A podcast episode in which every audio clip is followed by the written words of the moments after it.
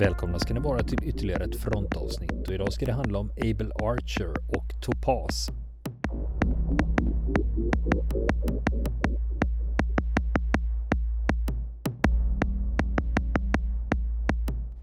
Ja du Niklas, eh, jag upptäckte en sak i veckan här. Det är ju november 2023. Ja, just det. Ja, och jag tänkte på, på, apropå det vi pratar om. Ja, det är ju faktiskt 40 eh, år sedan. Exakt 40 ja. år sedan. Ja. Det tänkte inte jag på när vi började med det här. Faktiskt. Nej, jag såg det, det på en annan. Ja. Jag såg det på en annan sajt som också håller på med militärhistoria. Där hade man uppmärksammat att eh, mm. det var 40 år sedan Able Archer skedde. Mm. Just det. Faktiskt nu. Och ja, på vår Facebook-sida la jag ut länk till mm. övningsscenariot. Ja, just och det. Är ju just det. Mm. Det är ju det klassificerat nu mer. Mm. Så eh, den här typen av handlingar kan man ju hitta ibland. Då. Ja. Vad säger man? Happy Able Archer eller? Nej. ja, grattis, grattis världen, vi ja. dog inte. Nej, precis. Mm. precis. Able Archer-dagen. Ja. ja, vem vet liksom det, det. Med tanke på hur nära det kan ha varit. Så eh, ja, visst. Det är lite kando. Det är 40 år sedan alltså. Det är en annan värld. Verkligen.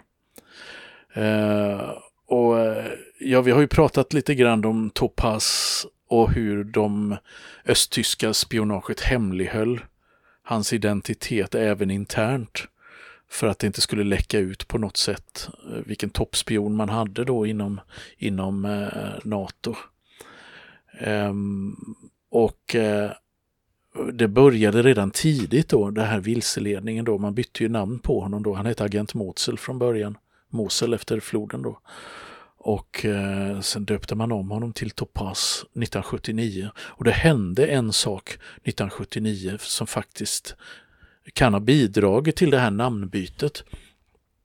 Täcknamnsbytet då och det var att en annan östtysk spion i NATOs högkvarter, det var en sekreterare som hette Ursel Lorentzen, hoppade av till DDR när eh, marken började brännas under fötterna. Hon var på väg att avslöjas. Och eh, då i den vevan så la man från östtyska utrikesspionaget också ut ett vilseledande spår. Där man ändrade en massa i sitt interna material så att det såg ut som om Rainer Rupps rapporter istället hade kommit från den här andra avhoppade agenten Ursel Lorentzen eh, ifall man skulle få någon läcka inom den egna organisationen så, så sopade man igen spåren så mycket man kunde. Eh, för att vara på säkra sidan. Och eh, det, man kan ju säga att det lyckades ju faktiskt för att ingen kom honom på spåren under hela hans tid som aktiv spion. Och redan men redan strax före murens fall, alltså några månader innan dess, så kom den första indikationen då till NATO på att man eh, hade, att det var något som inte stämde. För det var en avhoppad överste från det östtyska utrikesspionaget som heter Heinz Busch som avslöjade för den då västtyska underrättelsetjänsten BND att det fanns en toppspion inom NATO. Och då var det så att BND, de trodde inte på honom först. De tyckte att det lät alldeles för otroligt att eh, NATO-högkvarteret läckte som ett såll. Men den här översten då, den här östtyske avhopparen då som hade varit ganska högt upp i hierarkin då i utrikesspionaget, han kunde backa upp sitt påstående med dokument från en viss agent Topaz vars identitet han inte kände till då trots att han hade, själv hade varit på så hög nivå. Så han kände bara till Rainer Rupps tecknamn och vad det var för typ av rapporter då som hade kommit in från denne. Och då började då sökandet efter den här påstådda spionen. Och man satte in stora resurser för att hitta honom. Men trots det så tog det mer än tre år efter murens fall tills han avslöjades. Och eh, eh det var ju helt enkelt, man hade då bland annat då under det här arbetet med att försöka avslöja hans identitet så hade det ska, det ska till och med ha varit uppe på högsta politiska nivå när den dåvarande förbundskanslern Helmut Kohl var på statsbesök i Moskva så ska han tagit upp frågan om agent Topaz och velat att ryssarna skulle avslöja vad de visste, vem det var. Och man hade även då frestat höga, både höga och låga Eh, medarbetare inom det tidigare östtyska utrikesspionaget med stora belöningar då. För att de skulle avslöja vad de visste om, eh, om honom, avslöja hans identitet då. Och man letade länge då i NATOs militära organisation efter, efter agenten då, utan att hitta honom. Men det berodde ju på att man letade på fel ställe, för Rainer Rupp tillhörde inte den militära organisationen. Han tillhörde den politiska delen av eh, NATO-ledningen. Och det här medförde ju att han med visst välbehag själv kunde läsa rapporterna om den resultatlösa jakten. De hamnade på hans skrivbord också. Eh, på hans, hans tjänsterum, för han fortsatte ju jobba i NATO-högkvarteret som ingenting hade hänt. Och eh, en gång efter vad han berättar själv så var det till och med en kollega till honom som frågade vad han själv skulle gjort om han var i agent Topas ställe. Varvid han då svarade att då skulle han utan tvekan ha erbjudit sina tjänster åt USA eller åt ryssarna. Men det finns ju inget som, ty som tyder på att han faktiskt gjorde det utan det var ju bara ett försök att kasta ut en dimridå. Helt enkelt. Så att man visste inte vem det var. Men med tanke på den typ av dokument som nådde Östberlin eh, så kunde man till sist då ungefär ringa in var någonstans han borde befinna sig. Då. Och det var på väldigt, väldigt hög nivå eh, i högkvarteret. Men som sagt, ändå letade man på, rätt, eh, på fel ställe. Och det var alltså till sist då, eh, nästan fyra år efter murens fall, då avslöjas han genom det så kallade Rosenholz-registret. Har du hört talas om det? Nej, Rosenholz, Rosenholz ja. det betyder ju rosenträ. Ja, jag vet precis. inte vad det Nej, precis. Nej, jag har inte en aning. Det, var, det. Alltså ett, det var alltså det östtyska utrikesspionagets centrala kartotek. Det var själva nyckeln till rapporterna. Alltså det var det hemligaste av det hemligaste. Där agenterna, där de riktiga identiteterna bakom agenternas tecknamn och spionernas tecknamn avslöjades. Så att det var liksom, det fanns bara på ett ställe då de här uppgifterna förvarades. Eh, för att det inte skulle spridas och hamna i fel händer. Och det här var ju en sensation att det, det hamnade i, i CIAs ägo på oklara vägar. Och det här Rosenholz-kartoteket det består av 381 CD-skivor. Och det fanns 350 000 namn i det här, i det här registret. Så att det, är, det är ju inte eh, liksom 90% av namnen är inte på spioner och agenter eller på angivare åt Stasi, utan det är andra personer som hade lösare koppling till till, eh, till Stasi på olika sätt. Och det kunde ju varit eh, kompisar till eh, personer som jobbade för Stasi, det kunde vara släktingar och så vidare. Eller personer som gjorde tjänster åt Stasi på andra sätt än att vara spioner eller agenter.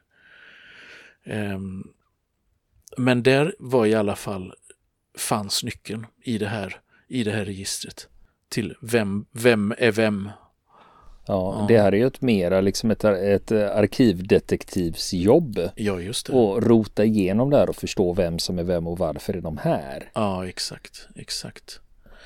Och eh, som sagt, det var ju på, det här är ett litet stickspår, men jag tycker att det är ändå lite kul. Så att jag tänkte vi ska dra det. Hur sjutton kan det ha gått till då när det hamnade i CIAs händer?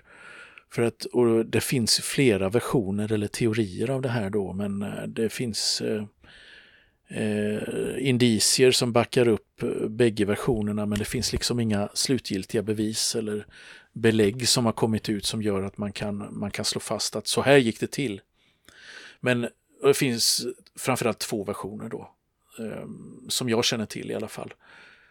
Och en, den ena versionen då, då handlade om att det är en äldre version det är inte den slutgiltiga versionen utan en något äldre version av det här kartoteket som hamnade i amerikanernas händer. För den sista kopian den förstördes i, så sent som i mars 1990 av Stasi själva. Eh, alltså, då talar vi om flera månader efter murens fall, då, fyra månader efter murens fall, när då en medborgar, civil medborgarkommitté eh, styr över organisationen. Men då ska vissa chefer inom Stasi ha fått eh, ändå tillåtelse att förstöra, eh, förstöra de här akterna för att eh, ja, skydda spionerna utomlands då. Mm. För det, det är rent tidsmässigt kan vi säga så 9 november 1989 då, riv, då rivs ju muren men det är fortfarande men Östtyskland och Västtyskland består ju som två självständiga nationer. Just det och det gör det ju fortsatt. Mm. Och sen Ungefär ett år nästan. Ja, ja, och sen juli 1990 då får man gemensam valuta. Mm. Och det vidtas flera, flera steg under den här perioden för att eh, de här länderna ska närma sig varandra. Mm. Och eh, precis som du säger att eh, mindre än ett år efter murens fall så enas Tyskland igen. Just det. Eh, då, det är då det blir ett land. Ja, just det. Och CIAs dåvarande stationschef i Moskva, han hette Milton Bearden på den tiden då, han har senare avslöjat att eh, CIA inte la vantarna på det här Rosenholz-kartoteket i samband med att östtyska medborgare stormade Stasi-högkvarteret i mitten av januari 1990. Um, ehm, för det var någonting som man eh, länge utgick från att det måste ha skett där och att, eh, att ehm, agenter från väst eh, ehm, blandade sig med mängden där som, och gick in och plockade ut vad man ville ha då. De visste vad de letade efter och så vidare. Det var länge en, en accepterad teori att det kan ha gått till på det viset. Men den här, den här CIA-agenten då, eller som inte var stationerad i Östberlin då, men i Moskva, han påstår då att eh, det var inte så det gick till. Utan det var snarare så att eh, först långt senare så fick chefen för CIA-stationen i Västberlin uppdrag direkt från presi dåvarande president Bush, Bush den äldre då, att försöka lägga, lägga beslag på eh, dokument som kunde avslöja identiteterna på spioner och agenter. Eh, men hur det ska ha gått till då, det, det är lite oklart. Men då finns det alltså en, ett, ett reportage som sen publicerades många år senare i, den västtyska, eh, i det västtyska nyhetsmagasinet Der Spiegel. Som är alltså eh, var dåvarande Västtysklands och nuvarande, det återförenade Tysklands främsta politiska nyhets tidskrift. Eh, den har en oerhört eh, hög status eh, och brukar ses som väldigt pålitlig. Och enligt det här reportaget då så hände detta att det hamnade i amerikanska händer så sent som 1992. För att en KGB-agent på en amerikansk ambassad någonstans i Östeuropa. Eh, eller han går in, agenten går in på en amerikansk ambassad någonstans i Östeuropa och erbjuder amerikanerna en dålig men ännu, ändå fortfarande läsbar mikrofilmad kopia av det här kartoteket. Och för detta betalar CIA honom 75 000 dollar när de inser att det här är, det här är äkta vara och, och intressant. Så, att det, så, ska, så ser den ena versionen ut och en annan te teori då är att det ska ha varit en hög officer i det östtyska utrikesspionaget som var inblandad. Eh, man vet till och med namnet på honom då, han var överstelöjtnant, heter Rainer Hemman eh, som några veckor eller dagar efter murens fall 1989 fick order av sin närmaste chef att överlämna det här kartoteket till KGB, till KGBs högkvarter i Östberlin, som då låg i en eh, stadsdel som heter Karlshorst. Eh, och denna skulle lämna det här till, det var en KGB-officer som hette Alexander Principalov. Eh, och att man gjorde så här, det berodde på då att man resonerade att Sovjetunionen, som fortfarande existerade vid den tidpunkten, det var den enda säkra platsen att förvara så känsliga dokument på. Men det här var en grov felbedömning, enligt den här versionen då. För CIA hade fått kontakt med en annan KGB-officer i Östberlin, Alexander Shubenko. Och via denne så fick CIA också kontakt med den här Principalov och en KGB-general vars namn är okänt. Det har i alla fall inte eh, rapporterats. Och den här trion var de som ska se till att eh, Rosenholz-kartoteket 1992 hamnade i USA. Det var väl antagligen, om det, nu, om det nu var denna versionen som stämmer, så var det säkerligen väldigt mycket pengar inblandat i detta. Men lägligt nog så dog bägge de här KGB-officerarna på ett mystiskt sätt strax efter detta ska ha hänt då. Eh, så att, eh, ja, man får väl tro vad man vill kan man säga. Men eh, det är de versioner jag känner till av hur det kan ha gått till när Rosenholz-kartoteket eh, hamnade i amerikanska händer. Mm. Men du, ja. en fråga som mm. tangerar det här. Mm. Eh, det är ju det här, när Stasi-arkiven öppnades, mm. vad hände då? Ja, alltså på 90-talet när de började öppnas, eh, det, det som var sprängstoff i Tyskland, det var ju eh, inrikesspionaget. Alltså spionaget mot de egna medborgarna. Det hade man ju försökt förstöra då till stor del, men inte lyckats. Eh, för att det var helt enkelt för, för mycket papper. Den var för omfattande och do, dokumentförstörarna gick ju varma i, efter murens fall där. Man ville sopa igen spåren efter sig. Men det fanns ju för, det, det fanns för mycket kvar ändå så att säga för att man hade varit så eh, perverst noggranna i att dokumentera precis allting. Så det, var en, det handlade om enorma mängder dokument och personakter. Eh, och eh, det här, har ju, det här har ju lett till stora skandaler när människor har fått inblick i det här. Journalister har kunnat eh, hitta kända personer som visat sig vara angivare åt Stasi. Och, ehm, och eh, vanliga före detta DDR-medborgare har kunnat inse att de har varit utsatta för övervakning och även fått reda på vilka av deras vänner och grannar eller kollegor som det var som angav dem, spionerade på dem och så vidare. Så att det här har ju varit väl, en väldigt sårig historia. När det gäller utrikesspionaget däremot så är den officiella versionen i alla fall att det arkivet förstördes totalt, att man hann förstöra det totalt eh, så att säga. Eh, under eh, att man faktiskt hade börjat med det strax före murens fall när man insåg vart henne barkade. Men det kan man ju också tvivla på för man, det finns säkert kopior som hamnat någonstans av de rapporterna. Befinns det, befinner de sig i någon väst, hos någon västlig underrättelsetjänst eller befinner de sig hos ryssarna?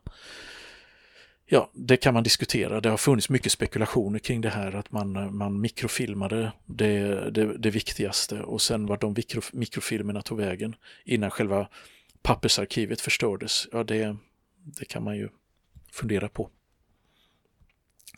Eh, men i alla fall, så, så gick det till att det var inte förrän då 1992 som, eh, som eh, Rainer Rupps identitet avslöjades. För USA de, de analyserade ju det här noggrant naturligtvis, eh, vad som berörde dem själva. Och sen delade man med sig av uppgifter ur det här kartoteket till andra länder, bundsförvanter och så vidare. Och då blev Rainer Rupps namn känt och han blev kopplad till Topaz då. Och efter detta så blev han bevak övervakad i hemlighet på sitt arbete. Och Rainer Rupp, han har ju själv beskrivit den här tiden att det var en fruktansvärt tung tid efter murens fall då. Han räknade hela tiden med att bli avslöjad varenda dag. Han visste ju aldrig när det skulle hända. Men han var övertygad om att det bara var en tidsfråga. Så att eh, han har beskrivit den här tiden från murens fall till fram till gripandet som en blytung tid. Med sina egna ord. Han ville inte fly heller med sin, eh, med sin familj då, utan han bodde hela tiden kvar i diplomatkvarteren i Bryssel med fru och tre barn. Och eh, jobbade på som vanligt med sina, med sina eh, arbetsuppgifter inom NATO då. Fast, Och eh, i alla fall så hände ingenting förrän i juli 1993 när Rainer Rupp åker tillbaka till Tyskland till sin mor för att fira hennes 70-årsdag. Hon bodde i närheten av Trier i västra Tyskland då. Den födelsedagsfesten stormades av en tysk specialstyrka från säkerhetspolisen på 70 man.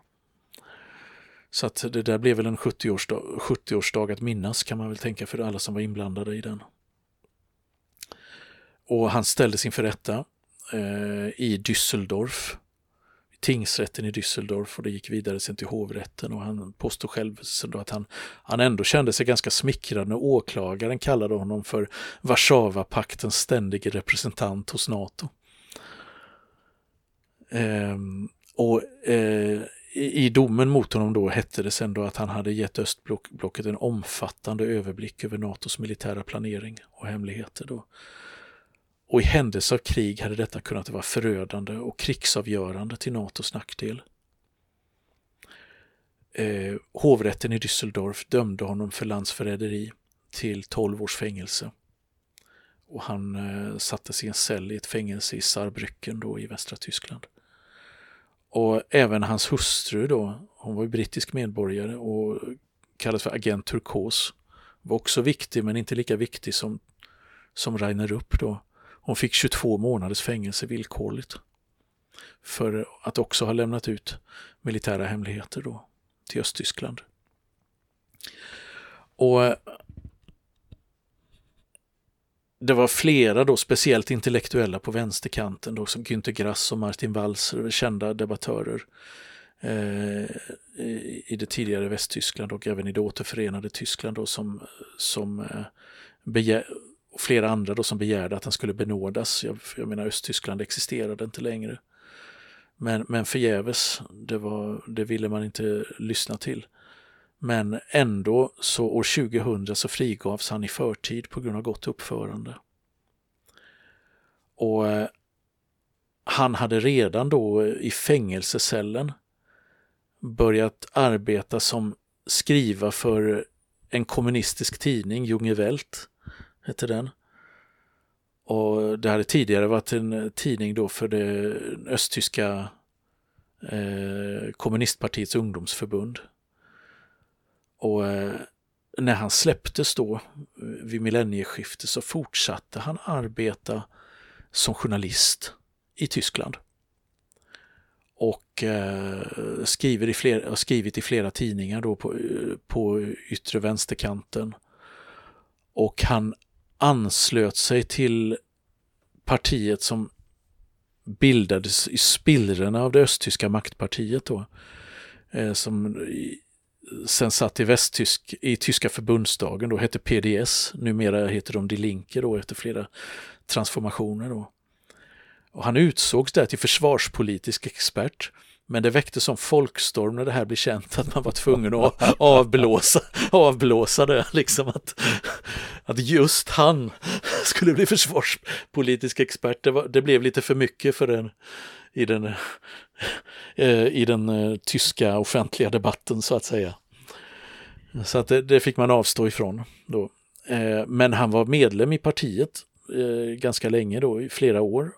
Eh, aktiv då, skrev flera, har skrivit flera debattböcker, aktiv i kommunistiska tidningar. Där skriver han ofta kritiskt om USAs utrikespolitik, något som många kommunister runt om i världen älskar att göra. Um, Och, men år 2003 så hoppade han av från eh, partiet då med motiveringen att de hade blivit alldeles för borgerliga i hans ögon. Och då, då snackar vi om ett parti som står långt till vänster om, om vårt svenska vänsterparti, om man säger så. Eh, så att det, det, säger lite, kanske lite om hans referensramar. Eh, och han, är ju for, han lever fortfarande, han har nått ganska hög ålder men han är fortfarande aktiv som skribent och debattör. Ehm, eh, och med det sagt då om Rainer Rupp då så kommer vi fram till en tv-serie. Du kan gissa vilken? Deutschland 83. Jajamän. Deutschland 83 som hade premiär då på en tysk tv-kanal, RTL, år 2015 då. Och 2016 så visades den första gången på SVT och sen har den gått i repris då efter det. Ehm, rasande bra serie, väldigt spännande måste jag säga. Ehm, som har inspirerats av historien kring Abel Archer. Och eh, loosely based kan man säga på Rainer Rupp och hans historia. Väldigt eh, löst baserat på hans historia. Men man kan säga så här då att inspirationen till serien, var kom den ifrån då? Jo, producenten bakom serien heter, han heter Jörg Winger. Och på 1980-talet gjorde han värnplikten i Västtyskland i Bundeswehr på ett signalistkompani. Och vid jultid, det året han gjorde värnplikt, alltså på julafton, så fick han ett radiomeddelande från andra sidan järnridån. I vilket det stod God jul Jörg. Vilket fick honom att misstänka att det måste finnas en östtysk spion i hans förband. Och det här har han inte kunnat släppa sedan dess då. Och det gjorde att det blev på något sätt fröet till eh, den här agent slash spionserien som han, han gjorde som blev stor succé på te, tysk tv. Eh, sedan då. Den, hand, den handlar ju om en, en soldat eller underofficer i de östtyska gränstrupperna som heter Martin Rauch i, eh, i tv-serien då som värvas för att bli spion och som smugglas in i Västtyskland eh, och under täckmantel då under, eh, börjar jobba i det, som löjtnant i det västtyska försvaret, Bundeswehr då. Så det här är ju mitt under kalla kriget, det är 1983 då och det är Abel Archer som spökar i bakgrunden i den här tv-serien för att han har täcknamnet Kolibri, Martin Rauch, och får uppdraget att spionera på NATOs krigsplaner och utplaceringen av amerikanska medeldistansrobotar, Pershing 2 då. Och hans täckmantel är då som adjutant hos en västtysk general som heter Edel i serien då. Och han, han, han har motvilligt gått med på att eh, åta sig det här uppdraget. Eh, det som får honom att slutligen gå med på det för att det ska bli möjligt för hans svårt sjuka mor att få njurtransplantation. Och han blir tvungen då att överge sin fästmö som dessutom visar sig vara gravid med hans barn. Då. Ehm, och Kolibri då är ju inspirerad av Rainer Rupp då, men, men Rupp han smugglades ju inte in i Västtyskland utan han kom ifrån västtyska 68-rörelsen. Så han, han behövde ju inte eh, utsätta sig för något sånt. Och, och I tv-serien så börjar eh, Rauch då ett sånt här, ett Romeo-scenario då med en sekreterare, ung kvinnlig sekreterare i NATO. Vet du vad det är, Romeo? Nej. Ja, det, är, det är helt enkelt, det är Romeo och Julia liksom. Det, det här handlar ju om att man, man inledde kärleksförhållanden med lätt, personer som man bedömde hade, hade tillgång till dokument, eh, viktiga dokument man ville åt och samtidigt var, ansågs vara lättpåverkade. Ensamstående sekreterare, och så vidare. Man letar upp deras svagheter. Helt plötsligt dyker mannen uh, försökte, gjorde enorm research kring de här personerna. Vad, vilken typ av man skulle den här kvinnan föredra? Och så vidare. Gick in mycket sånt här kartläggning innan och sen så dök drömmannen plötsligt upp i deras liv och skärmade, skärmade trosorna av dem och sen, eh, sen var det färdigt. Ja, vi har ju motsvarighet svala och eh, honungsfälla. Just det. Pratar man ju också om. Precis. den här eh, Deutschland 83 den fick uppföljare sen då med, eh, med samma person i huvudrollen då. Deutschland 86 och Deutschland 89.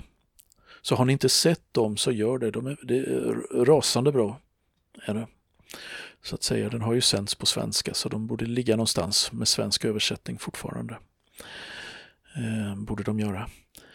Men som sagt, det här är ju historien om Abel Archer och eh, vad som hände då den här dramatiska hösten 1983. Där man först då sju år senare efter att kalla kriget hade slutat, alltså 1990, i en första eh, rap amerikansk rapport vi kom fram till då från uh, The President's Foreign Intelligence Advisory Board. Alltså presidentens utrikesspionages eh, eh, rådgivargrupp kan man väl kalla det då, kom fram till då att Abel Archer oavsiktligt hade kunnat provocera fram ett atomkrig. Och vi har ju pratat om flera detaljer och flera händelser under den här dramatiska hösten, men vi har faktiskt förbigått en. Eh, och det har faktiskt varit lite medvetet för jag tänkte att jag skulle spara den här personen till en, eh, ett eget, ett separat avsnitt. Eh, men jag kan ju ändå nämna, och det handlar om en rysk officer, en överstelöjtnant i det sovjetiska luftförsvaret, som heter Stanislav Petrov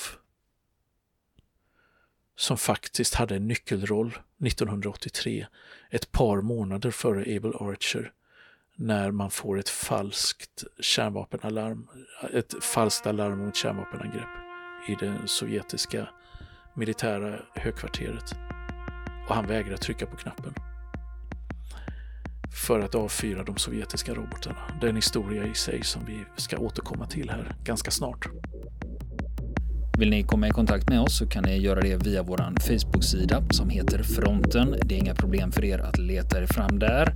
Eller också så mejlar ni på vår mejladress och det är frontenpodcastgmail.com.